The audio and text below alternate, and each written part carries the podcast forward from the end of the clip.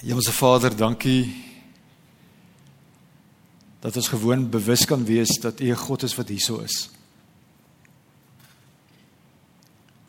Here ons leef uit U, ons bestaan uit U. En Here, dankie dat ons vandag net as 'n gemeente, as 'n geloofsfamilie kan sê ons is lief vir U. Here, U U ken ons harte. U weet wat al die goeders is wat binne ons leef. Here, U weet wat die goeders is waaraan ons dink. Here, dankie dat ons in 'n erediens met ons hele wese na U toe kan kom. Dankie Here vir hierdie liedere. Dankie dat ons in 'n sekere sin hierdie liedere ook na U toe kan bring soos wat ons 'n gebed na U toe bring. Here, U U is ons God. U is die een wat in Jesus naby gekom het. Hier is die een wat deur die woorde van die Ou en Nuwe Testament met ons gesels. Ek wil bid, Here. Gebruik asseblief hierdie gedeelte wat ons gaan lees. Gebruik asseblief die woordverkondiging. Here, gebruik asseblief ons saam wees sodat ons vandag Here vir hierdie week, vir hierdie maand, vir hierdie seisoen waarin ons is, sodat ons helder en duidelik u stem kan hoor. Kom verheerlik u self asseblief in die erediens. Amen. Goed, as jy jou Bybel het, maak asseblief my oop by die gedeelte wat jy gewoonlik oorslaan. Maak asseblief oop by die gedeeltes wat jy gewoonlik skiep. Nou ek besef dis 'n bietjie van 'n onregverdige vraag, maar wat is daai gedeeltes wat meeste van ons altyd net oorslaan? Kan ek gehoor? Wie wil raai? Sê 'n bietjie harder. Iemand sê Openbaring is nie Openbaring nie, maar dis reg. Die geslagsregisters. Wie van julle lees die geslagsregisters? Laat ek gou sien. Alraight, baie mooi, well done. Alraight, Genesis hoofstuk 5. Ons lees vandag geslagsregister Genesis hoofstuk 5. Ons lees vanaf vers 6. Nou wil ek julle ding vra en dis die interessante van kerk sonder mure se gebou. As mense in die agterste ry sit, as jy agter in die kerk sit of as jy in die moederskamer sit, dan voel die dominee baie keer redelik ver, maar as mens hier voor staan, kan mens presies sien wat gebeur in die agterste ry. So mens kan presies sien wie raak aan die slaap. Mens kan kyk mens mens, mens sien wie hou hulle horlosie so dop. Mens kan sien wie is uiters verveeld. So ek wil julle vra wanneer ons nou nou die geslagsregister gaan lees, bly asseblief by my. Daar's ons iets tussen die lyne, tussen die verse van die geslagsregister wat ons nie moet miskyk nie. Daar's 'n verskriklike belangrike iets tussen hierdie verse van enige geslagsregister. So Genesis hoofstuk 5. Ek gaan nou voor ons gaan lees, wil ek sê wat die boodskap vir vandag is, sodat julle nie wonder, eers in watter rigting wil hierdie ou nou vandag gaan nie. So hieso is die die boodskap van vandag. Alles wat ek gaan sê, hak daarbey aan. Die boodskap vir vandag is die Here God gebruik gewone mense. So kerk sonder mure maak maak vrede met die feit dat jy 'n gewone mens is. Maak vrede met die feit dat jou gesig nooit op die voorblad van die huisgenoot gaan wees nie. Die Time Magazine bring elke jaar 'n lys uit van die wêreld se die die 'n lys uit van die 100 mees invloedryke mense op hierdie aarde. Maak vrede met die feit dat jou naam nooit op daai lys gaan verskyn nie. Die van julle wat millennials is. Kan ek gou sien wie van julle is millennials? Iewers hier tussen 1980 en die jaar 2000 gebore. Kan ek gou sien? 'n Paar millennials. Weet so op YouTube spot hulle altyd met die millennials en sê daar's altyd vir die millennials gesê julle is julle is spesiaal. Julle is 'n spesiale generasie. Wat ek vandag wil sê is, hè, ons is almal uiters gemiddeld. So maak vrede met die feit dat jy 'n gemiddelde mens is. Maak vrede met die feit dat niemand, nie eers jou familielede, eendag vir jou 'n monument gaan bou nie. Ons is gewone mense en die boodskap van vandag is die Here God gebruik gewone mense. So kom ons lees Genesis 5. Hierso is so 'n lekker ritme in Genesis hoofstuk 5. Dieselfde woorde word basies die hele tyd herhaal. So moenie aan die slaap raak nie. Ek lees net vir ons 'n paar verse. Vers 6. Toe Set 105 was, het hy die vader geword van Enos. Set het na die geboorte van Enos nog 807 jaar geleef en het seuns en dogters gehad. Set was dus 912 jaar toe hy gesterf het. Toe Enos 90 was, het hy die het hy die vader geword van Kenan. Enos het na die geboorte van Kenan, Kenan nog 815 jaar geleef en het seuns en dogters gehad. Enos was dus 905 jaar toe hy gesterf het. Toe Kenan 70 was, het hy die vader geword van Malel. Kenan het na die geboorte van Malel nog 840 jaar geleef en het seuns en dogters gehad. Kenan was dus 910 jaar toe hy gesterf het. So julle hoor hierdie ritme, julle hoor hierdie herhaling. Toe Malel 65 was, het hy die vader geword van Jered. Malel het na die geboorte van Jered nog 830 jaar geleef en het seuns en dogters gehad. Malel was dus 895 jaar toe hy gesterf het. Toe Jered 162 was, het hy die vader geword van Henog. Jered het na die geboorte van Henog nog 800 jaar geleef en het seuns en dogters gehad. Jered was dus was dus 962 jaar toe hy gesterf het. Ons lees vandag net tot sover. Dit 'n vinnige kant aantekening. Wie van julle is gefassineer deur hierdie hoë ouderdomme? Ek was as kind baie gefassineerd deur al hierdie bonatuurlike goed wat ek in die Bybel gelees het. Goed, so op 'n stadium toe ek hier by Tuks kom swat het, het ek na die teologiese afdeling, die biblioteek gegaan en ek het na die beste kommentare gekyk wat iets sê oor Genesis hoofstuk 5. En die beste sinnetjie, die beste verduideliking van alles wat hier gebeur is die volgende. Die kinders van die Ou Testament het gesê: "Maak nie saak hoe oud die mens word nie. Uiteindelik sterf almal." So kinders druk toe julle ore ons is almal geraamtes wat besig is om te gebeur. In Europa is daar so 'n kunswerk van mosaïek en die kunswerk se opskrif is ken jouself en dis 'n dis 'n kunswerk van 'n geraamte. Terug by die geslagsregister. Kenan, Jered, Malel, Set. Dit was almal doodgewone mense. Nie een van hulle was 'n geloofsheld nie. Nie een van hulle was 'n superwese nie. Wie van julle het kinders of kleinkinders wat baie lief is vir die superheroes, vir Spider-Man, Superman, daai ouens? Kan ek gou sien? Wie van die kinders is lief vir daai ouens? Alraai. Ons het 'n 2-jarige en 'n 4-jarige, hulle is daar in die moederskamer. Een het 'n duvet van Spider-Man. Hy die oudste seun het gisteraand in so 'n onesie geslaap van Batman en hy het hulle hierdie Spider-Man of hierdie Superman onderbroekies. Julle ken dit. Nie een van die ouens van wie ons in die geslagsregister lees het superpowers gehad nie. Gewone mense wat gebore is, ouer geword het, getrou het, kinders gekry het en toe uiteindelik gesterf het. So dis maklik. Dis maklik dat ons ons Bybels oopmaak en jy gaan na 'n boek soos Kronieke toe of jy kyk na die geslagsregister Matteus en Lukas. Dis baie maklik om daai geslagsregister te vat, dit oor te slaan, dit te skiep. Dis baie maklik om hierdie geslagsregisters met 'n met 'n westerse bril uitmekaar uit te skeer. Ons kan na die geslagsregister kyk en sê, maar hierdie voldoen nie aan ons maatstawwe van akkuraatheid nie. En dan kan ons dit maklik afskryf. Maar as ons dit gaan doen, dan mis ons die punt van die geslagsregisters. Die geslagsregisters is in die Bybel sodat ons kan sien dat die Here God gewone mense gebruik. Vir die vir die antieke mens was die geslagsregisters 'n bron van inspirasie. Die antieke mense het na die geslagsregisters gekyk het en hulle sou gesê het, maar wag 'n bietjie. Dit beteken die Here God sien gewone mense raak. Hulle sou gesê die Here God sien gewone kinders raak. En dan sou hulle die afleiding, die tot die gevolgtrekking gekom het. Maar dit beteken die Here God sien my ook raak. Ook ook my naam as 'n gewone mens is in die handpalms van God gegraveer.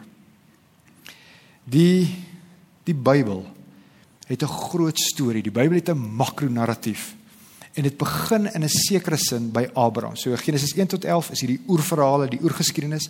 Maar dan kom die Here God en hy gee vir die mensdom 'n tweede kans. En hy sê vir Abraham: "Abraham, ek wil jou gebruik. Ek wil 'n groep mense rondom jou versamel. Ek wil klomp mense rondom jou groepeer. Hoekom? Sodat julle as 'n volk, sodat julle as 'n stam uit kan gaan en tot 'n seën wees vir alle ander volkere en alle ander nasies." En dit was natuurlik die volk Israel en vandag is dit die kerk. En die wonderlike is baie van die mense wat deel is van die familie van Abraham, ook ons as Christene, het uitgegaan en ons het hierdie opdrag gaan uitleef. So die vraag wat die Bybelskrywers sou vra, hoe kan ons die mense wat gehoorsaam was aan God se opdrag, hoe hoe kan ons hulle vereer? Hoe kan ons hulle erken vir hulle bydrae? En een van die goed wat hulle kon doen is om te sê kom ons kom ons skryf hulle name neer. Kom ons pen hulle name neer en kom ons dank God vir hulle met die hoop dat dat ons as die nageslag van Abraham met die hoop dat ons op die juk van Christus sal opneem en hierdie hierdie opdrag van liefde sal gaan uitleef. Vir die antieke mens was die geslagsregister ook 'n bron van hoop. Hoop dat dit nie net die rykes is wat saak maak nie. Hoop dat dit nie net die konings, die maghebbers, die heersers is wat die kitaar slaan nie. Dit sou vir die gewone mens iets sê soos maar ook ek, ook ek as die man op straat, ook ek as die vrou op straat, ook ek as Jan Allerman is deel van 'n storie wat groter as ek is. Ook ek as 'n gewone mens kan deelneem, kan deel word van die storie wat God met die wêreld het. So die boodskap vir vandag. Die Here God gebruik gewone mense. Ek gaan nou vir 'n oomblik ratte verwissel. So ons wat hier sit, ek sien geen celebs wat hier sit nie. So ons is gewone mense en ons leef 'n 'n gewone lewe. Die interessante is, as ons huis toe gaan vanmiddag en jy gaan kyk wat's op Showmax, jy kyk wat's op Netflix, jy kyk wat op wat's op YouTube, jy kyk wat's op die webblaaie, dan kom ons in die tyd waarin ons leef, dan kom ons in die 21 in die 21ste eeu agter dat die media vir ons sê die lewe is te vind in die buitengewone. So ons is basies of ons word basies gebombardeer, ons word in 'n sekere sin geïndoktrineer dat die lewe te vind is in die buitengewone. As jy vanaand gaan nuus kyk, waar gaan dit? Buitengewone mense en buitengewone nuuswaardige gebeure. As jy na SuperSport se webblad toe gaan, dan lees jy van buitengewone sportprestasies deur buitengewone mans en buitengewone vrouens. As jy die huisgenoot oopmaak, dan lees jy van al hierdie bekende mense. Ons het amper 'n ongesonde fascinasie, ons het amper 'n ongesonde belangstelling in dit wat in die sterre se lewe aangaan. Ons weet wat hulle eet, ons weet wie die mense is wat hulle date, ons weet wat hulle kinders se name is. Ons weet wat in die persoonlike lewens van die wêreldleiers aan die gang is. So ons leef met hierdie hierdie hierdie denke, ons leef met hierdie idee dat die lewe te vind is in die buitengewone en ons ore spits as ons iets hoor wat buitengewoon is. Die gevolg daarvan is Ons het ons aptyd vir die gewone verloor. Ons het ons ons smaak vir die alledaagse verloor. Onbewustelik glo baie van ons dat die lewe te vind is in die buitengewone. Ons glo die lewe is te vind in 'n buitengewone beroep. Ons glo die lewe is te vind in 'n buitengewone huweliksmaat. Ons glo die lewe is te vind in 'n buitengewone konsert en 'n buiten buitengewone fliek. Ons dink die lewe is te vind in 'n buitengewone produk van Apple. En iets van ons hunker daarna om weg te kom van die alledaagse. Iets van ons hunker daarna om weg te kom van ons saai baie keer iets wat vervelige bestaan. Ons dink die lewe lê nie in die gewone nie. Ons dink die lewe lê nie in ons gewone huwelik nie. Ons dink die lewe lê nie in ons gewone kinders nie. Ons dink die lewe lê nie in ons gewone huis. Die lewe lê nie in ons gewone kar nie. Ons dink die die lewe is te vind op 'n ander plek. En julle dis dis een van die redes hoekom Genesis 5 nie in ons smaak val nie. Want Genesis 5 gaan oor gewone mense. Gewone mense wat ouer geword het, gewone mense wat kinders gekry het, gewone mense wat gesterf het. Daar's soos niks wow, daar's niks amazing, daar's niks spectacular in die geslagsregisters nie. En dis juist die rede hoekom die geslagsregisters deel is van die Bybel. Dit leer ons, dit leer ons as mense van die 21ste eeu dat die lewe juis te vind is in die gewone. Die lewe is juis te vind in ons alledaagse bestaan. Daar was 'n skrywer, 'n Duitse skrywer, Hermann Hesse. Hy het in 1946 die Nobelprys vir letterkunde gekry. Hy het geskryf oor 'n provinsie. Die provinsie se naam was Gastalia. So kom ons sê, almal van julle wat in die middelblok sit, is deel van die provinsie Gastalia. Die mense wat in hierdie provinsie gebly het, was almal hiperintelligent, hoogs begaaf, almal het spesiale talente en gawes gehad. En daar is voortdurend 'n spel gespeel en die spel het daaroor gegaan dat jy jou breinvernuf kon verhoog en dat jy jou breinvernuf kon toets. So almal van julle, almal in Gastalia, uiters spesiale mense. Maar hierdie provinsie was nie 'n tronk nie. Jy kon buite die grense van die provinsie beweeg.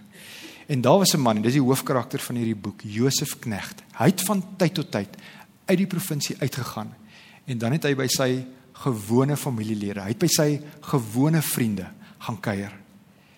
En soos wat hy tyd spandeer het saam met die mense buite die provinsie, so kom hy al hoe meer agter maar hierdie is nie die lewe wat ons hier in Gastalia leef nie. Ons is eintlik waar ons hier leef, is ons eintlik arm. Daar's 'n stuk diepte wat ons nie het in hierdie provinsie nie.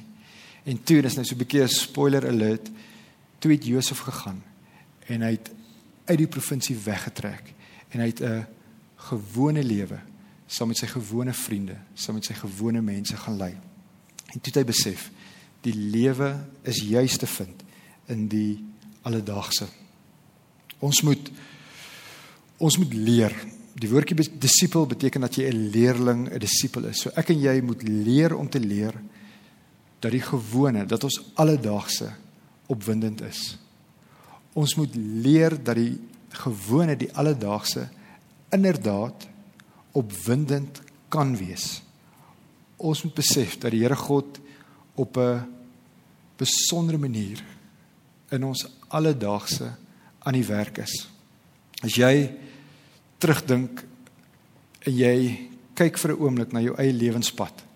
As jy dink aan jou eie storie, dan kom jy gou agter dis in die gewone in ons alledaagse bestaan waar God se trou kragtig werk in ons gewone handel en wandel, in ons gewone werke, in ons gewone families, in ons gewone eetkamers. Kom die Here en ons beleef iets van God se seën. Ons ons moet al hoe meer leer om God se seën in ons gewone lewe raak te sien.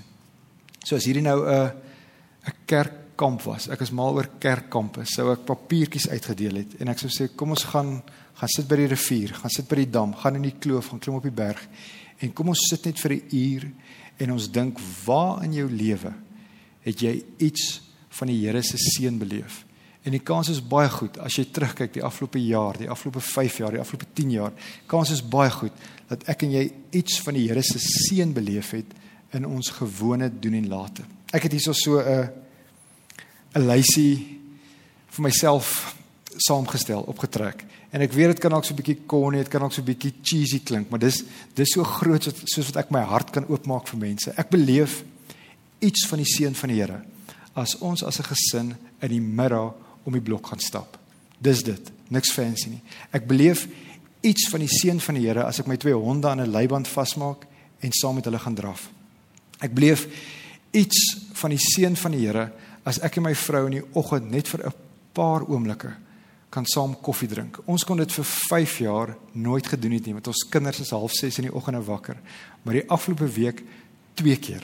Ons sit daar so rondom 6uur en ons kyk vir mekaar en my woord aan Christen was hierdie voel soos hemel. Net net vir 5 na 10 minute drink ons. Dit was nie eers filterkoffie nie, dit was gewone cheap kids koffie. Wat voel vir my ons in hierdie in hierdie paar oomblikke beleef ons iets van God se seën. As ons piknik hou, beleef ons iets van God se seën. Ons het nou die dag het ons in die Dinokeng gaan kamp. Net vir een aand. Daar was 'n een van 'n rugby kamp daar by Camp Discovery. So dit was so vol. Ons kon net vir een aand plek kry. Op 'n stadium lê ek daar in ons gewone tent.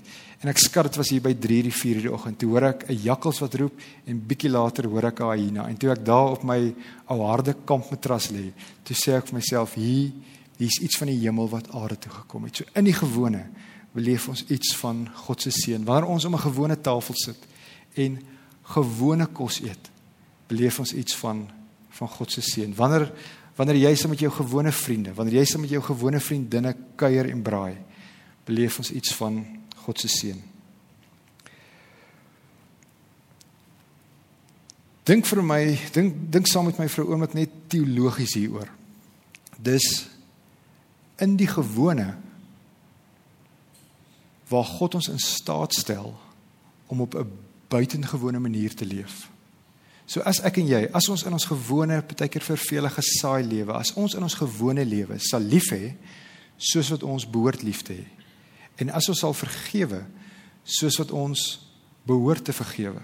En as ons gasvry is en as ons vriendelik is en as ons nederig is en as ons gewoon sagmoedig is, dan kom God se buitengewone koninkryk en dan breek hierdie koninkryk deur in ons gewone lewens.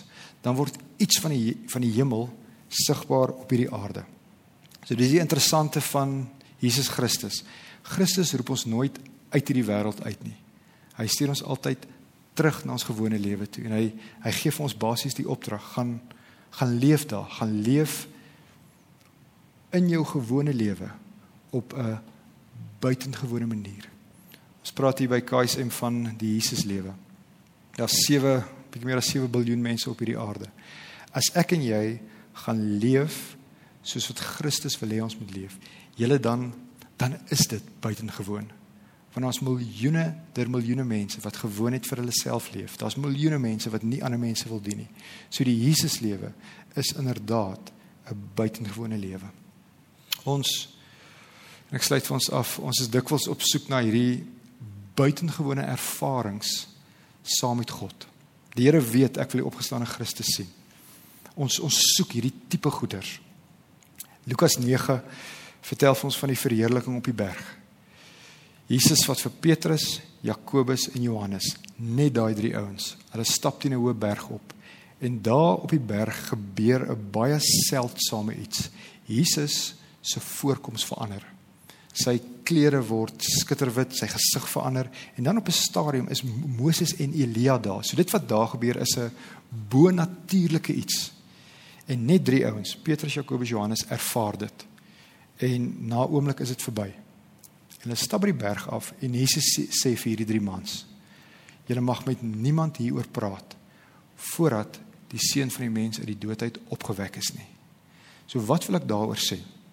Net Petrus en Jakobus en Johannes het hierdie bonatuurlike ervaring saam met God gehad. Die ander disippels het dit nie gehad nie. Die vroeë kerk het dit ook nie gehad nie. Daar sou is honderde mense, miljoene mense, nie een van ons het daai ervaring gehad nie. En ons gaan waarskynlik in ons lewe op hierdie aarde nie so ervaring hê nie. En dis oukei. Okay, want God gebruik gewone mense. En God is die God wat ons in die gewone ontmoet. Mag Mag God ons in ons gewone lewens vind en mag ons as 'n geloofsfamilie mag ons God in ons alledaagse bestaan vind. Mag ons tevrede wees met ons gewone lewe. Die Here is my herder. Ek kom niks kort nie. Amen. Ons bid, Here, U het ons gemaak. U weet dat ons mense is van vlees en bloed. Hierdie weet dat ons mense is met baie bekommernisse, jy weet dat ons mense is met baie goed wat ons opgewonde maak. Here, maar U weet, ons ons lewe is dikwels maar net 'n gewone lewe. Here, U weet ons ons huis en ons kar en ons mense en die kos wat ons eet is gewone goeders. Here, ek wil bid met U Gees, met U lewe gewende Gees wat in ons is. Here kom en kom help ons om om U te vind in ons gewone lewe. Here maar meer as dit, help ons om te leef soos wat U wil hê ons moet leef. Here help ons om op 'n buitengewone manier te leef. Sodat U koninkryk, U wonderlike koninkryk ook al hoe meer gestalte kan kry op hierdie aarde. Here, dankie dat ons deel kan wees van die kerk van reg oor die wêreld. Here, dankie dat ons vir elke erediens wat vandag plaasvind, vir elke erediens wat reeds plaasgevind het, kan bid. Here, dankie dat ons saam met ons broers en susters kan bid vir die mense in die Oekraïne. Here, u, u weet, ons weet nie aldag wat om te bid nie. U weet ons weet nie aldag wat om te dink oor hierdie tipe goed nie. Here mag mag U doen wat net U kan doen.